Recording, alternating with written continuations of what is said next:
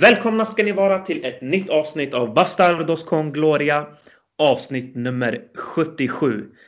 Det här avsnittet är väldigt speciellt. Jag har varken med mig Tom eller Bergar. De har blivit sparkade. Eh, de var inte tillräckligt bra för den här podden. Nej, skämt åsido så hade båda väldigt mycket att göra. Som ni vet, vi gör den här podden för er och eh, det är inte alltid lätt att få ihop tiden. Men jag har med mig två stjärnor från vår redaktion. Marcus, välkommen till Bastardos. Tjena, tack så mycket. Rico, välkommen. Hej, tack så mycket. Tack så mycket. och Eh, vi är otroligt laddade på att gå in eh, kring allt som har varit kring Real Madrid. Det är ju lite hårdare vindar eh, trots en seger ehm, senast här mot Alaves. Men vi ska gå igenom alltihopa så häng med oss. Vi kör! Marcus, Casano. Om jag säger Casano, vad tänker du då på? Jag tänker på Ja, alltså ja, vad tänker man på? Det är inte så mycket. Förutom allting som var runt omkring att han ens fick spela i Real Madrid. Det är ett under. Mm. Ja, eh, han, han berättade ju att han kom till Real Madrid, förlorade 12 kilo, eh, var väldigt seriös. Sen kom Cannavaro, eh, hans landsman. Och då menar han, i och med att sponsorn var Nutella, eh, så, eh, och man fick ju 5 kilo varje månad från honom. då, då blev det inte så bra Rico. Nej, han verkar ha gillat Nutellan lite för mycket. Mm. Men man måste ju ändå älska hans inställning till livet. Han känns som en som njuter till fullo alltid. Så ja. i efterhand det är det i alla fall kul att skratta åt. Ja, men tänk er och vara med en utekväll med Cicinho, Robinho, Casano och Gutti. Alltså det måste ju ha varit eh, världens partaj. Eh, så, att, eh, så såklart man vill vara med med de grabbarna och festa. Ja, absolut. Det är lite annat än de spelarna som har varit senaste åren med Cristiano, Ramos och sådär med seriositeten. Precis, ja exakt. det är stor eh, skillnad. Sen har vi ju dock en belgare som gillar kakor. Eh, och har lite ja, svårt men han känns ändå inte så mycket party. Nej, nej det gör han faktiskt inte. Nej, det är inte mycket party. Det är mycket party i kakburken. Ja, eh. det, det, det, känns ju som att han har kakor utställda lite så här och var i lägenheten eller i huset. Snarare det än fest. Ja. Zidane lockar honom till träning med ett spår av kakor. Mm. Exakt. Ja, men eh, vi får se. Eh, jag vet faktiskt inte om Real Madrid har kvar Nutella som sponsorer, men jag tror inte det. Eh, mm. Förhoppningsvis så är det ingen mer Nutella för våra spelare i alla fall. Det försvann med Casano kanske. Han tog med sig dem. Precis. Mm. ja, vi går vidare från Casano och vidare till eh, Ödegård. Vi går in rakt på sak. Hett ämne. Eh, lånas ut till Arsenal. Eh, skrivs väldigt mycket om det här. Bergar, eh, vår redaktionskollega, eh, han skrev i sin krönika att det här handlar om att spelarna också måste ta chansen. Eh, visst har Zidane inte alltid eh, kanske haft eller gjort rätta val och han har inte varit tillräckligt flexibel. Men vad tycker ni i det här fallet? Rick, om jag börjar med dig. Vad, vad anser du om Ödegårds exit? Hade han mentaliteten eller, eller stack han bara iväg? Jag tycker det handlar om självinsikt. Han inser att han får spela för lite, vill inte sluta utvecklas och väljer att lämna med planen att komma tillbaks starkare än någonsin. Jag tror det här är ett rimligt val eftersom Zidane, visst han fick ett par minuter men att visa att han ska starta med som senaste tiden ett par inhopp. Det är väldigt svårt. Speciellt med konkurrensen. Mm. Marcus, vad anser du kring Ödegård? Var det rätt av honom att lämna eller borde han ha stannat kvar och kämpat för sin plats? Nej, alltså jag tycker det, han borde ha eller varit kvar för att alltså, kämpa. Det känns verkligen som att han gav upp för, eh, för tidigt helt enkelt. Mm. Att han borde ha gett den här säsongen för att sen om det inte hade blivit bättre, för då är det ju troligtvis eh, Zidane som har gjort fel. Men nu känns det som att det är Ödegård som har gett upp. För han är ju inte jätteung heller. Han är ju 22 år gammal bara. Eller 22 år. Så då behöver han ju inte spela hela tiden för att utvecklas. Det är en annan sak när han hade varit liksom 18. då, då behövs speltid. Så Precis. jag vet inte, det känns som att Ödegård, eh, han, han har, eh, vad heter det, mjuklast i psyke. Mm. Eh, Och det är ju intressant det, det du säger. Jag menar, vissa spelare när de kommer till Real Madrid Eh, och den där vita tröjan den väger ju enormt eh, mycket. Eh, mer än Casanos 12 kilo.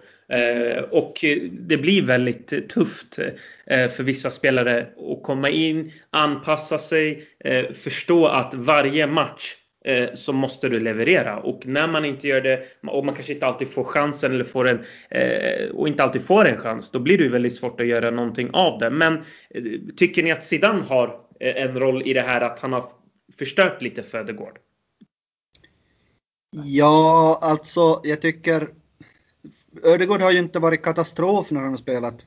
Till skillnad från många av våra spelare som spelar vecka ut och vecka in.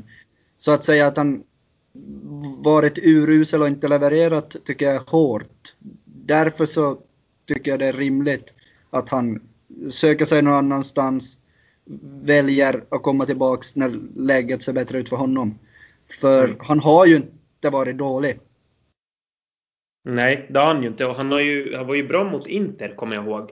Eh, och sen åkte han på en skada.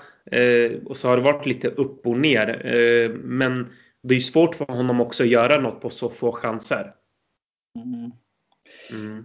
Ja, men där, där måste jag säga lite med skadorna där. Ehm, Mm. Alltså, det är ju självklart att han har haft väldigt mycket otur på så sätt. Och eh, just därför så tycker jag att han borde ha stannat kvar för att förhoppningsvis få en hel vår. Och då skulle han kunna få en mer, alltså bli bedömd på riktigt, både av Zidane men även ur, sin egen synvinkel. För nu känns det som att han inte fick spela direkt när han kom tillbaka från skada. Vilket är förståeligt för att Modric och Kroos har varit, eh, ja men det är ju nästan gamla. Deras bästa sidor liksom. Så då kommer man inte slå sig in efter skada om man är ung dessutom. Så, eh, ja. Ja. Nej, men jag håller med. Ödegård, eh, jag tycker, jag tycker så här. Jag tycker han gjorde rätt i att gå till Arsenal om det är så att han verkligen ville ha mer speltid och känner sig liksom att nej, men jag kommer inte slå in mig i det här laget. Eh, och eh, sen är det ju såklart Zidane också i det här att han måste ju också förstå att han måste kanske lite fler chanser. Men jag, jag lutar ändå lite mer åt ja, jag vet inte om det var så starkt av Ödegård rent mentalt att bara ta sitt pick och packa och dra. Utan man måste ju lite uppleva lite tuffare perioder. Men det har alla spelare gjort. Även Cristiano Ronaldo och Lionel Messi har upplevt tuffa eh, stunder i livet. Och då måste man liksom eh, kämpa och ta sig vidare. Men nu har han i alla fall dragit. Vad, vad tror ni då, Marcus? Tror du, att, eh, ha- tror du att det går bra borta i Arsenal? Tror du att det passar honom? Alltså jag blir livrädd just att det är Arsenal. För är det psyket som det är fel på, då är det absolut inte rätt klubb att gå till. För där, ja, där får du ingen vin- vinnarskalle direkt, har man ju sett. Det är därför Özil har varit där flera år till exempel och ändå inte presterat. Liksom. Så nej, jag vet inte. Men kan han komma in i det brittiska tempot och få en bättre fysik, alltså då kan han ju komma in, komma tillbaka och bli en, eh, alltså, en otrolig spelare. Mm. Vad tror du Rico? Vad säger du om eh, lånet till Arsenal?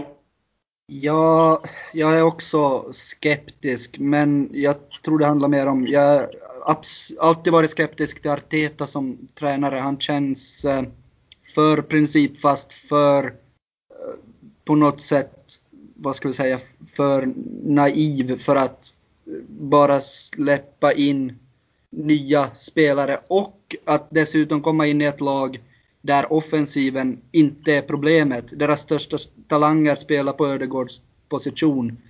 Och att han då ska ta speltid på ett sex månaders lån känns sådär. Och Mm. Ceballos också. Mm. Ja, men det, ja, men, ja, men alltså, det, det, det känns ju såklart eh, ett val eh, som är rätt tufft alltså. Eh, de har ju Emil Smith Rowe på den positionen. Eh, och eh, då ska han också konkurrera ut honom. Eh, och eh, eh ja, det blir tufft för eh, norrmannen. Men eh, vi får ju hoppas som ni ser att han kommer tillbaka och gör det bra. En annan som har gjort det bra det är ju Luka Jovic. Eh, Rico, vad säger du om hans prestationer då? Tre mål på vad är det, 30 minuter eller mindre än så kanske? Ja, ja, exakt. Han har varit ja. fantastisk. Sen är det ju Bundesliga. Man vet inte riktigt. Vissa av målen var mot bottenlagen. Men han är den klassavslutare man har sett tidigare. Jag tycker han förtjänar en plats hos oss. I alla fall som avbytare. Med längre inhopp än vad han har fått hittills i varje fall. Tror du, tror du att han eh, kommer komma tillbaka till Real Madrid? Mm, ja, jag tror han i alla fall kommer att vända. Sen om vi får ett bra bud så ser jag det inte som orimligt att han blir såld. Vilket med tanke på vår ekonomi kanske inte varit dumt. Mm. Eh, Marcus eh, Jovic som sagt levererar, eh, gör direkt mål och som Rico säger då kanske Bundesliga med all respekt för alla som älskar Bundesliga. Det är en fantastisk liga på sitt sätt men han gör det i Bundesliga och på honom låter det som att han inte riktigt kunde kommunicera med sidan. Och det är otroligt viktigt. Jag tror många verkligen underskattar det där med att kunna kommunicera med, på rätt språk. Eh, och det är därför jag alltid liksom skeptisk till tränare som kommer till Real Madrid och inte kan behärska spanska språket. Det blir, alltså, det blir, ju, det blir ju väldigt svårt. Eh, men eh, Luka Jovic, tror du han stannar kvar i Real Madrid? Vad tror du om hans framtid? Jag vet inte. Alltså det... Först och främst så, så Luka Jovic verkar ju vara en spelare som han ska spela i tvåmannaanfall. För mm. um, ja, det är de eh, liksom, e-, e-, egenskaperna han har. Och det spelet så kommer ju inte Zidane ställa upp med. När så länge Benzema spelar är jag ganska säker på. Eh, så jag vet inte. Det om det kommer in en annan tränare tror jag att han skulle kunna göra stor succé. Men som när Zidane är tränare så jag tror absolut inte att han kommer komma tillbaka och göra någon större succé. succé. Mm. Och sen eh, så, förlåt, mm. men sitta och kolla nej, nej, på eh, Frankfurts senaste match här, bara lite stats och så. Han blev ju, blir ju inbytt till och med. Och gör mål i 75 minuten. Så Precis. han är inte en start där heller. Och de spelar med en ensam striker och två släpandes. Så han platsar ju tydligen inte ens i Frankfurt liksom varje match. Och det kanske är baserat på att de spelar med en, en striker. Jag vet inte. Men det säger ändå någonting tycker jag. Mm. Handlar inte det ja. mer om att han är på lån då de har ägarspelare som ska ha speltid istället för ett halvårslån? Jo, mm. det är klart det kan ju vara det också, men sam, ja, jo. Men med tanke på låter... historien i klubben så känns det ändå som att han kommer in som, ja men lite som en frälsare liksom. Men ja, det är som du säger, det, den parametern ska man också ta in, självklart. Mm. Ja, men det låter på er grabbar båda två som att både Ödegård och Luka Jovic, de kanske inte stannar kvar. Utan gör de det bra, ja, då kanske Real Madrid tar tillbaka dem, men de kanske säljs vidare. De är inte kvar i Real Madrid. Och det leder ju till då frågan, vi har ju fått eh, några tittarfrågor, eh, eller lyssnarfrågor heter det. Och eh, de pratar ju då mycket om Zidane, att vi ska ta upp det. Eh, brister Zidane i att tänka långsiktigt var en fråga. Rico, vad, vad anser du där? Eh, tycker du att Zidane lever för mycket för att ha sina grabbar eh, och inte kan tänka längre fram? Att han också, för jag menar Zidane har ju pratat om det själv. Han har sagt det flera gånger. Jag tror inte på att jag kommer vara, jag tror inte att jag kommer vara kvar här länge utan det är liksom oftast tre år. Ta till exempel Luis Enrique i Barcelona, även i den klubben. Man orkar liksom tre, fyra år och sen måste man gå vidare. vad, vad, vad anser du Rico? Ja, det känns ju som att han är en, med all respekt för Zidane och allt vad han har gjort för oss, så känns det som att han är en tränare man plockar in för att vinna titlar kortsiktigt. Han är inte någon som bygger ett lag på samma sätt som till exempel Pochettino. Som kan plocka upp talanger, förädla dem och sen leverera dem på en ny hög nivå. Så jag tror han lever för lite för mycket i nostalgikänslorna till spelare som Isco, Asensio och så vidare. Som inte heller varit bra i år. Nej, precis. Och det är också en sån sak som bra att du nämner det. Jag menar, vi pratar ju om att han ska ta hand om de här eh, yngling, alltså talangerna och unga spelarna. Men det går inte så bra heller med, med seniorerna. Även hans gubbar har ju svikit. Speciellt Marcelo och Isco. Marcus, vad säger du? Tycker du att Zidane brister i att tänka långsiktigt? Eller gör han rätt? Och tänker han rätt kring att nej, men ska man spela för Real Madrid då, är det, då, då ska man liksom ha levererat. Eller så ska man leverera på en gång.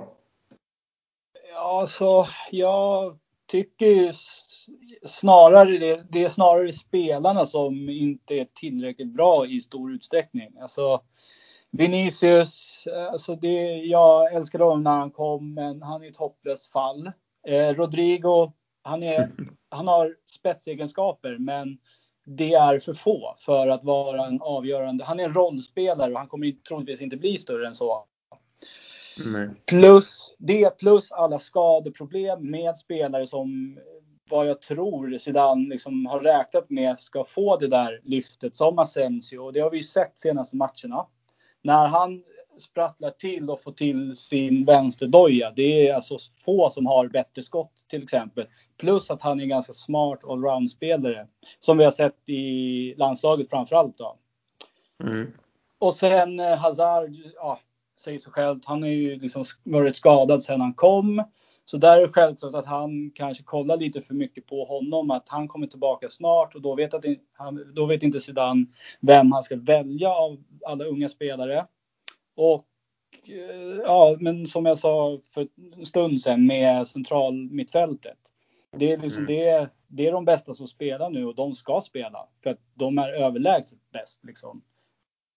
Mm. Men, vart, vart, Mm. Ja, förlåt. Nej, vart faller du någonstans då mellan att Tycker du att det är ledningens fel då som har hämtat in de här spelarna under en sidan? Eller tycker du att Zidane har fått det? För många menar då att ja, men Zidane har inte fått så mycket nytt. Ja, men han har fått Vinicius, han har fått Rodrigo, Militao, Hazard, eh, Mendy och så vidare. Några som ändå kommit till hans förfogande. Tycker du att det är Zidane som inte kan hantera dem? Eller tycker du att det är ledningen då som har valt fel spel spelare till klubben? Eh, ja, så det är väl egentligen så tror jag det handlar om eh, dålig kommunikation mellan Zidane och ledningen. För att de båda verkar ju vilja olika saker och vi vet ju historiskt att Perez, han är ju väldigt, har han eh, kommit in och slagit in på en idé, en väg, då går ju han all in på det. Som är nu med att köpa talanger och Zidane, han är ju där för att vinna matcher. Liksom. Mm. Och det är Real Madrid dessutom. Pressen är något helt annat liksom som vi vet. Så uh, ja, nej, jag vet inte. Det är inte Zidane som är felet. Tror jag. Okej, okay. intressant. Rico, vad säger du? Tycker du att ledningen har gjort fel? Alltså är det fel på scoutningen? Eller hur, hur kan det bli så här äh, att, att en som Zidane som är bra på att eh, skapa en harmoni, involvera alla i en, i en trupp och så vidare. Och i år har han inte gjort det. Hur, hur tror du, varför tror du det? Det känns som att våra spelare som är kvar av stjärnorna har vunnit allt. De känns mätta och tänder till i stormatcher. Därför har vi gjort bra resultat mot Barcelona, mot Atletico, i de viktiga matcherna med kniven mot strupen. Men när det kommer till vanlig ligalunk mot Eibar till exempel, eller något annat lag, så har de svårt att tända till och kommer inte upp i nivå. Eh, jag tror att Zidane borde kunna vara mer flexibel och ge även de yngre chans när det rutinerade gardet inte levererar. Mm. Ja, nej men absolut. Och jag håller med båda, båda sidorna. Ni, ni båda lyfter fram bra saker. Eh, och eh, jag tror någonstans här att det är viktigt också att påpeka att eh, allt handlar ju om resultat. Så är det ju bara i den här branschen. Om inte Zidane får med sig resultaten då kommer det bli kritik på, på alla möjliga saker. Eh, de kommer anklaga Zidane för att eh, det är fel på spelarnas eh, fotbollsskor och så vidare. Så man måste också se det från den sidan också att det här är ju en resultatbransch och får han inte med sig resultaten, ja då kommer han ryka och då kommer man kanske lyfta fram de här negativa sakerna hos honom. Och i senaste matchen då mot Alaves så såg det ju bra ut så man får ju hoppas att man tar det nu framåt. Det är ju här nu under våren som Zidane och grabbarna börjar vanligtvis växla upp eh, och vi får se om det händer. Men för att eh, då eh, om, man, om vi ska gå in då på spelare som är viktiga för det här laget då. Eh, Ramos är kapten, väldigt viktig. Nu ryktas det också väldigt mycket om att han ska lämna klubben. Eh, vi har pratat om det i podden tidigare, men jag vill gärna höra vad ni tycker. Eh, Marcus, nu om då Ramos lämnar, eh, är, är det ett stort misstag av Real Madrid tycker du? Ja, alltså släng upp vad han vill ha. Det är det jag har att säga. Det, försvinner han, då försvinner hela allting. Alltså då kommer det inte finnas någon som tar tag i det. Även om de andra gamla spelarna är med, eller äldre spelarna är med. Det är Ramos det hänger på. För att det är defensiven försvinner med honom. Så upp med vad han än vill ha, tycker jag. Mm. Rico, känner du samma sak kring Sergio Ramos? Jag håller med.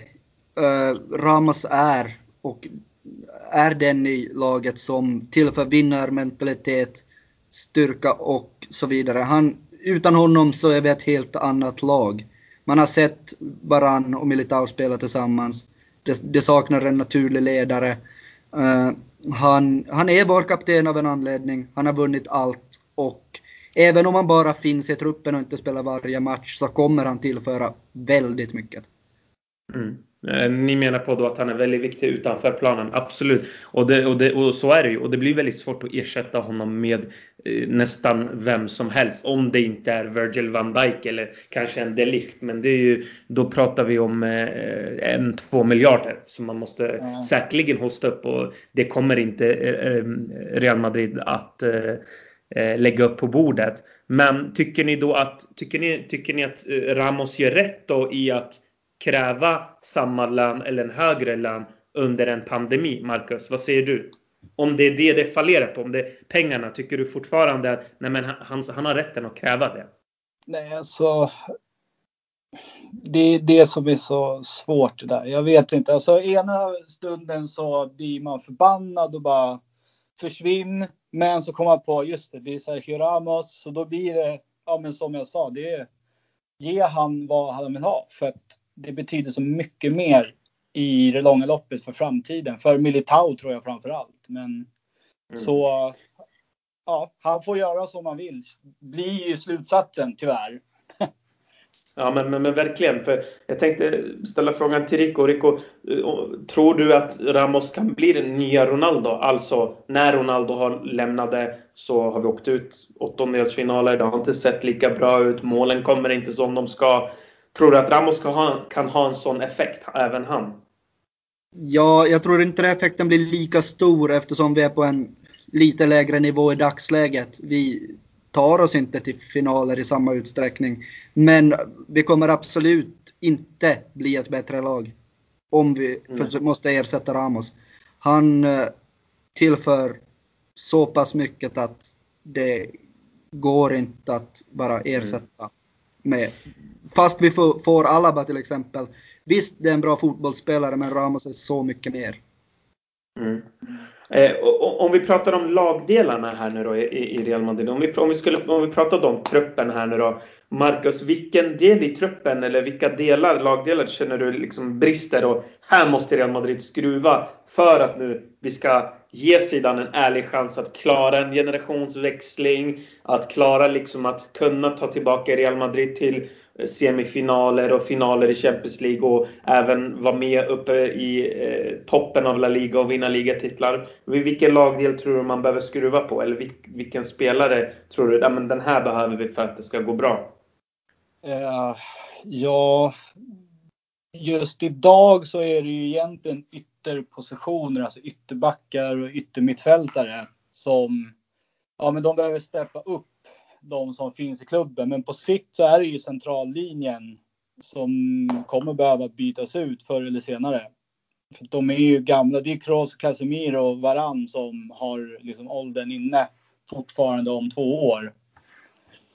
Så det är Modric ersättare, Benzema, det är Ramos som behövs ersättas. Och det är inte bara på planen utan det är just så, I omklädningsrummet. Som vi säger, i omklädningsrummet. Mm. Och den, Men tycker du att det borde börja nu då eller tycker du att Real Madrid ska vänta? det låter ju som att du tycker att Real ska vänta med Ramos. Tycker du att de även ska vänta med Modric och Benzema innan liksom man fasar ut dem? Eh, ja, alltså med tanke på hur spelet ser ut så de är ju bäst på plan hela tiden. Så eh, de måste ju vara kvar tills det finns ersättare som kan ta över. Tyvärr ja. så är det ju så illa. Mm. Rico, vad säger du? Är det dags för Real Madrid att fasa ut centrala linjen eller ska man stanna kvar och vänta och göra det sakta men säkert? Ja, som vi tidigare har sagt så Ramos tycker jag är ett unikum som blir svår att fasa ut. Oavsett om vi väntar eller om vi gör det med en gång. Um, så om vi exkluderar honom så tror jag, Modric gick ju till exempel ner i lön. Så han kommer knappast kräva att spela varje match. Så jag tror att det på sikt är sett som att han kommer fasas ut stegvis. Uh, Benzema, ja, han kan absolut. Han är en av världens bästa nior, men får vi en till striker i truppen som håller hög nivå, så visst fasa ut honom på sikt. Han är inte oersättbar. Mm, nej, och, men det, och det är ju väldigt tufft eh, som ni säger. Det är en svår fråga att svara på. Ska man göra det nu eller ska man vänta? Men ni håller med ändå eh, om att det är eh, dags att börja ändå förnya och eh, agera i sommar. Eh, tror, ni, tror du Marcus att det är möjligt nu för Real Madrid då i och med att det kommer rapporter från El Pais som är en av Spaniens största tidningar som menar på att Real Madrid inte har råd, Real Madrid eh, är i kris och att det är många klubbar i och för sig. Tror du att det blir svårt nu här i sommar att agera då på en Haaland eller på en Mbappé och så vidare? Ja, det... Jag känner att det är nästintill en omöjlighet att göra det som läget ser ut. Mm. Och nu när Pochettino har kommit till eh, PSG till exempel. Jag tror han kommer få en nytändning för att han är bra på att arbeta med unga spelare. Precis. Så jag tror han kommer stanna kvar och eh, Haaland, jag tror inte han har så bråttom iväg. Han trivs nog ganska bra där han är faktiskt. Så det kommer bli dyrt. Och Dortmund är ju svår att handskas med. Liksom. Det vet vi ju bara Barca med Dembélé, hur dyrt det blev. Precis. Mm. Rico, vad säger du? Vad tror du händer i sommar? Tror du Real Madrid har råd med nya spelare eller vad känner du? Det har ju kommit lite rykten nu senaste tiden om att vi är öppna för att sälja egentligen vilken spelare som helst i truppen med, med ett bra bud. Så om vi avlastar så ser jag det inte som omöjligt att till exempel kunna plocka en Mbappé som har ett år kvar på kontraktet, verkar vägra förlänga. Om man väljer att bråka sig bort. PSG har ju dessutom ryktats vara intresserade av Vinicius i en, någon slags bytesaffär. Haaland däremot, jag skulle ge det nästan till 0% chans. Han har en utköpsklausul som aktiveras nästa sommar på typ 80 miljoner euro och eh, det det, då kanske han går, men jag tror inte han går i sommar. Om inte för extremt höga summor. Mm.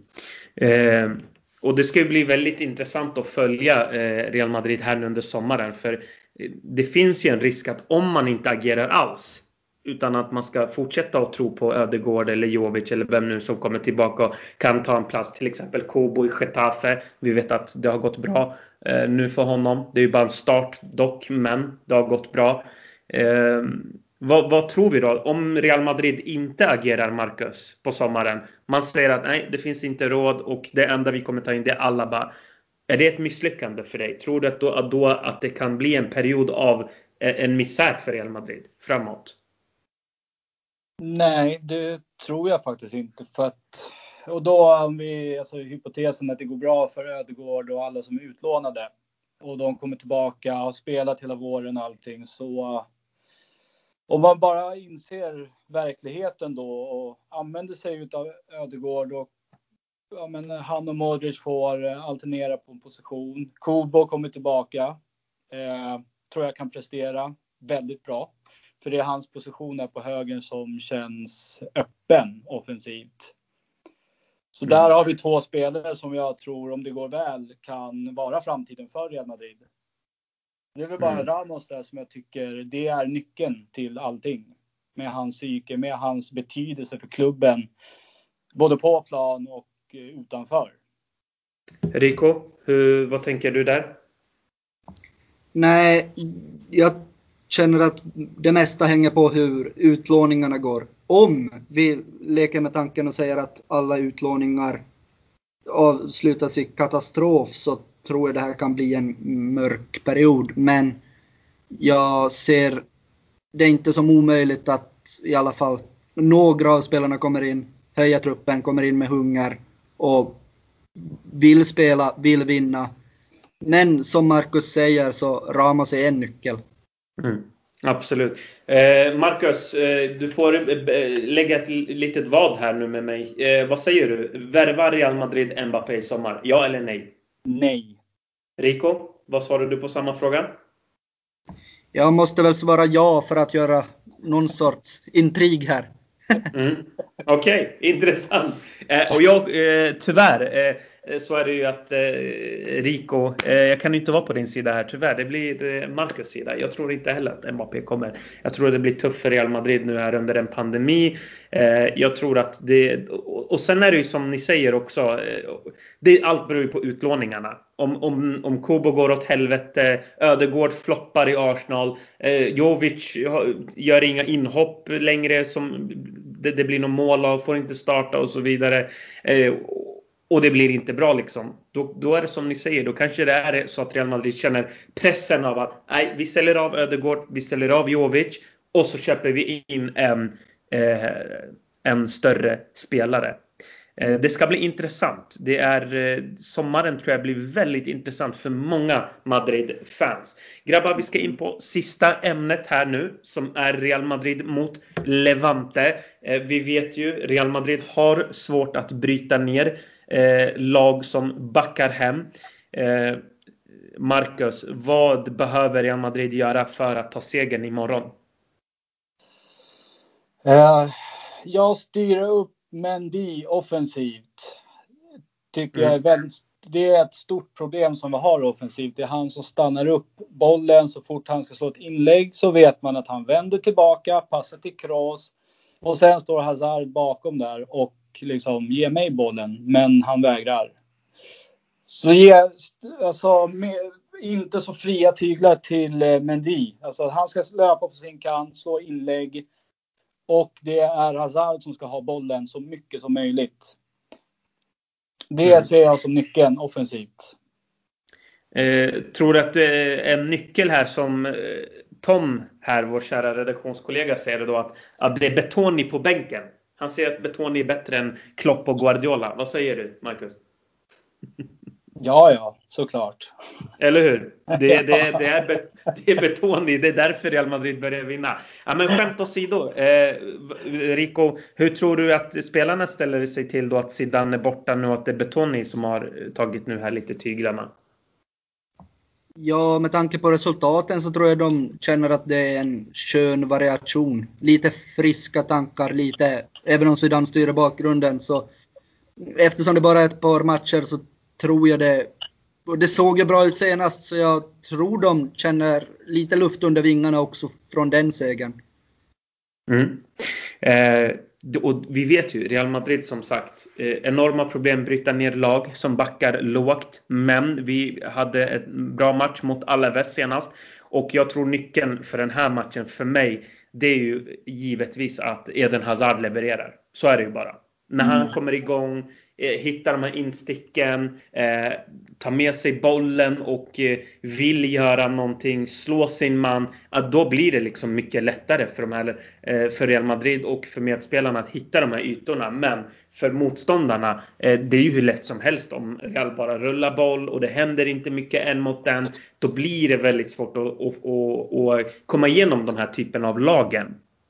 Så jag tror att Hazard blir en väldigt viktig nyckel för Real Madrid. Ja. Eh, om ni fick välja yttrarna här nu då. Eh, Lucas Vasquez och Asensio. Många är irriterade på att se de två spelarna kontinuerligt få speltid. Rico, vill du se något, någonting annorlunda i den här matchen? Jag hade faktiskt gärna, jag kanske är den sista personen i Isco-båten, men jag tycker han, jag hade gärna sett honom och Eden Hazard försöka kombinera sig igenom.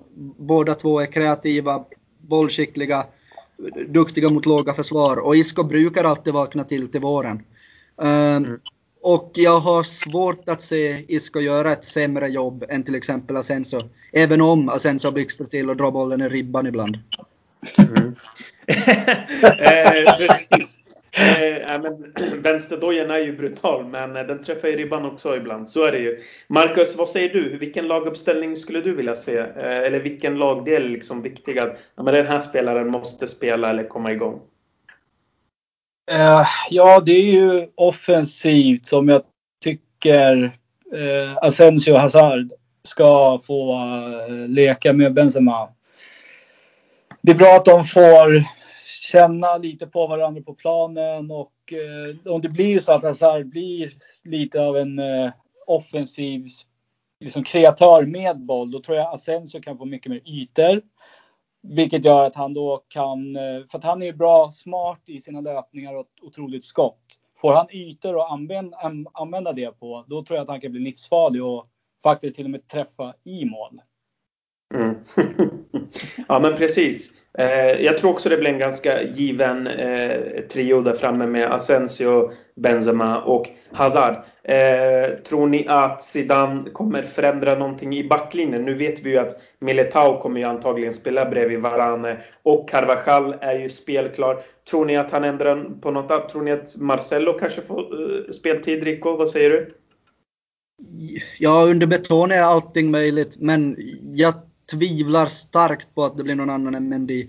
Backlinjen känns rätt given och eh, med tanke på hur spelet såg ut senast så att ändra desto mer känns dumt. Mm. Marcus, håller du med om den saken då? Även om nu Mendy har, har irriterat en del på att men man irriteras över att han i sista tredjedelen inte liksom lyckas med sin inlägg eller passning. Men tror du att eh, det är givet liksom att det är han och de andra ja. grabbarna i försvarslinjen? Ja, alltså det är ju direkt farligt att ha Marcelo på en vänsterbacksposition. Så tyvärr mm. så får man nöja sig med Mendy. Men faktiskt en sak jag kom på. Eh, apropå Marcelo och den där högerpositionen som jag i ungefär ett års tid har suttit och önskat. att prova Marcello på högerytter. Jag tror det kan bli guld och förlänga hans karriär. Ja. Ja, men eh, det, det, det, tror jag många har varit inne på. Liksom, att flytta upp Marcello 10-15 meter eller, eller, eller, ännu längre än så. Liksom, bara för att få in liksom, där att Zidane han vill ju ha någon som kan ändå eh, jobba hem och försvara och jobba hårt och sådär. Nu, gör, nu är inte kanske Marcello en arbetshäst men han är ju ändå, han förstår ju det här med försvarsspel och han har ju tekniken och inläggen och absolut. Det är ju liksom, det finns ju en såklart en, eh, det, det är en intressant tanke. Plus att han har ju dessutom eh, både bra höger och vänsterfoten framför allt. Alltså hans inlägg och känsla är ju, den är ju liksom topp i laget. Så, mm. Och att han är teknisk och han hittar ju även hem. Han har ju varit vänsterback så defensivt så lär han göra det ganska bra. För att det krävs inte så mycket av honom liksom. Så Nej. Eh, senaste gången jag kollade på bänken så, så skrev jag det till er grabbar. Eh, vi har ju vår egen privata chatt. Och jag, jag skrev det till er att jag, jag, var väldigt besviken över bänken. Att oj, det här ser ju katastrofalt ut. Rico, känner du nu framöver här utan Ödegård, utan Jovic, skador. Känns det som en tunn trupp nu? Ja, alltså vi är väldigt, väldigt tunna. Får vi ett par skador till så står vi ju där som i första matchen på säsongen och Ariba som Marvin spelar igen. Men mm. eh, ja, det är svårt att göra någonting åt det också. Med tanke på att vintern är dyr att värva, vi har inte speciellt mycket pengar och eh, vi lånar tydligen ut alla spelare också. Mm, precis. Mm. Eh, Marcus, känner du en oro här nu mot säsongens slut då eller sådär att Ja, möter Atalanta, åttondel. Eh, det är eh, La Liga också, koncentration på det. Atletico får inte rycka från för, för, för mycket. Nu har de ryckt från en del. Men för att man ska hänga med då, eh, känner du nu att Zidane måste börja liksom involvera fler spelare här nu mot slutet? Eller hur tycker du man ska tänka liksom? Ska man vara orolig eller vad känner du? Ja, jag vet inte. Alltså det är ju man får egentligen prioritera vilken turnering som är viktigast. För att den truppen finns inte att tävla och försöka vinna allt. Det, det har jag ställt in mig på. Jag kanske är lite pessimistisk. Men, eh, men ska man satsa på ligan till exempel, då så ska det här gå. För att det här spelarna, som startspelarna, de skadar sig ju sällan ändå. Ja, och de har ju vunnit tidigare och de har ju erfarenheter så de vet ju vad som behövs och vad som krävs. Exakt, exakt. Mm. Eh, grymt! Grabbar, det var allt för den här gången. Tack för att ni var med. Tack Rico! Det var kul! Härligt att ha dig med. Marcus, tack till dig också. Tack för att du var med. Ja, stort tack. Det var svinkul. Härligt. Eh, och tack till alla som eh, lyssnar. Vi fortsätter att leverera avsnitt eh, och eh, eh, på återseende. Adios!